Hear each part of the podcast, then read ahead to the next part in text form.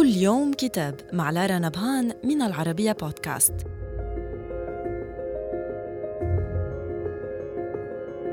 كتابنا اليوم بعنوان The Spectacle of Grief أو مشهد حزين الجنازات العامة والذاكرة في عصر الحرب الأهلية من تأليف سارة بيرسيل المؤرخة لدى جرينل college تتناول فيه جنازات القائد فريدريك دوغلاس وثمانية أمريكيين بارزين آخرين في القرن التاسع عشر. وتشير الكاتبة إلى أن المدافن وخدمات النصب التذكارية كانت في ظاهرها غير حزبية لكنها غالبا ما كانت تستخدم لمحاولة الإشارة إلى إرث الحرب. ويذكر أنه أقيمت جنازة لدوغلاس في كنيسة بالعاصمة واشنطن بحضور نحو ألفي شخص داخل المبنى ومئات آخرين خارجها.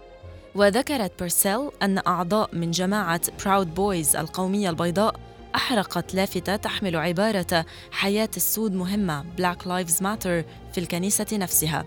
وبعد أسابيع قليلة من الحادث اقتحم متظاهرون يمينيون مبنى الكابيتول ولوح بعضهم بعلم الكونفدرالية. صدر الكتاب عن The University of North Carolina Press. وإلى اللقاء مع كتاب جديد.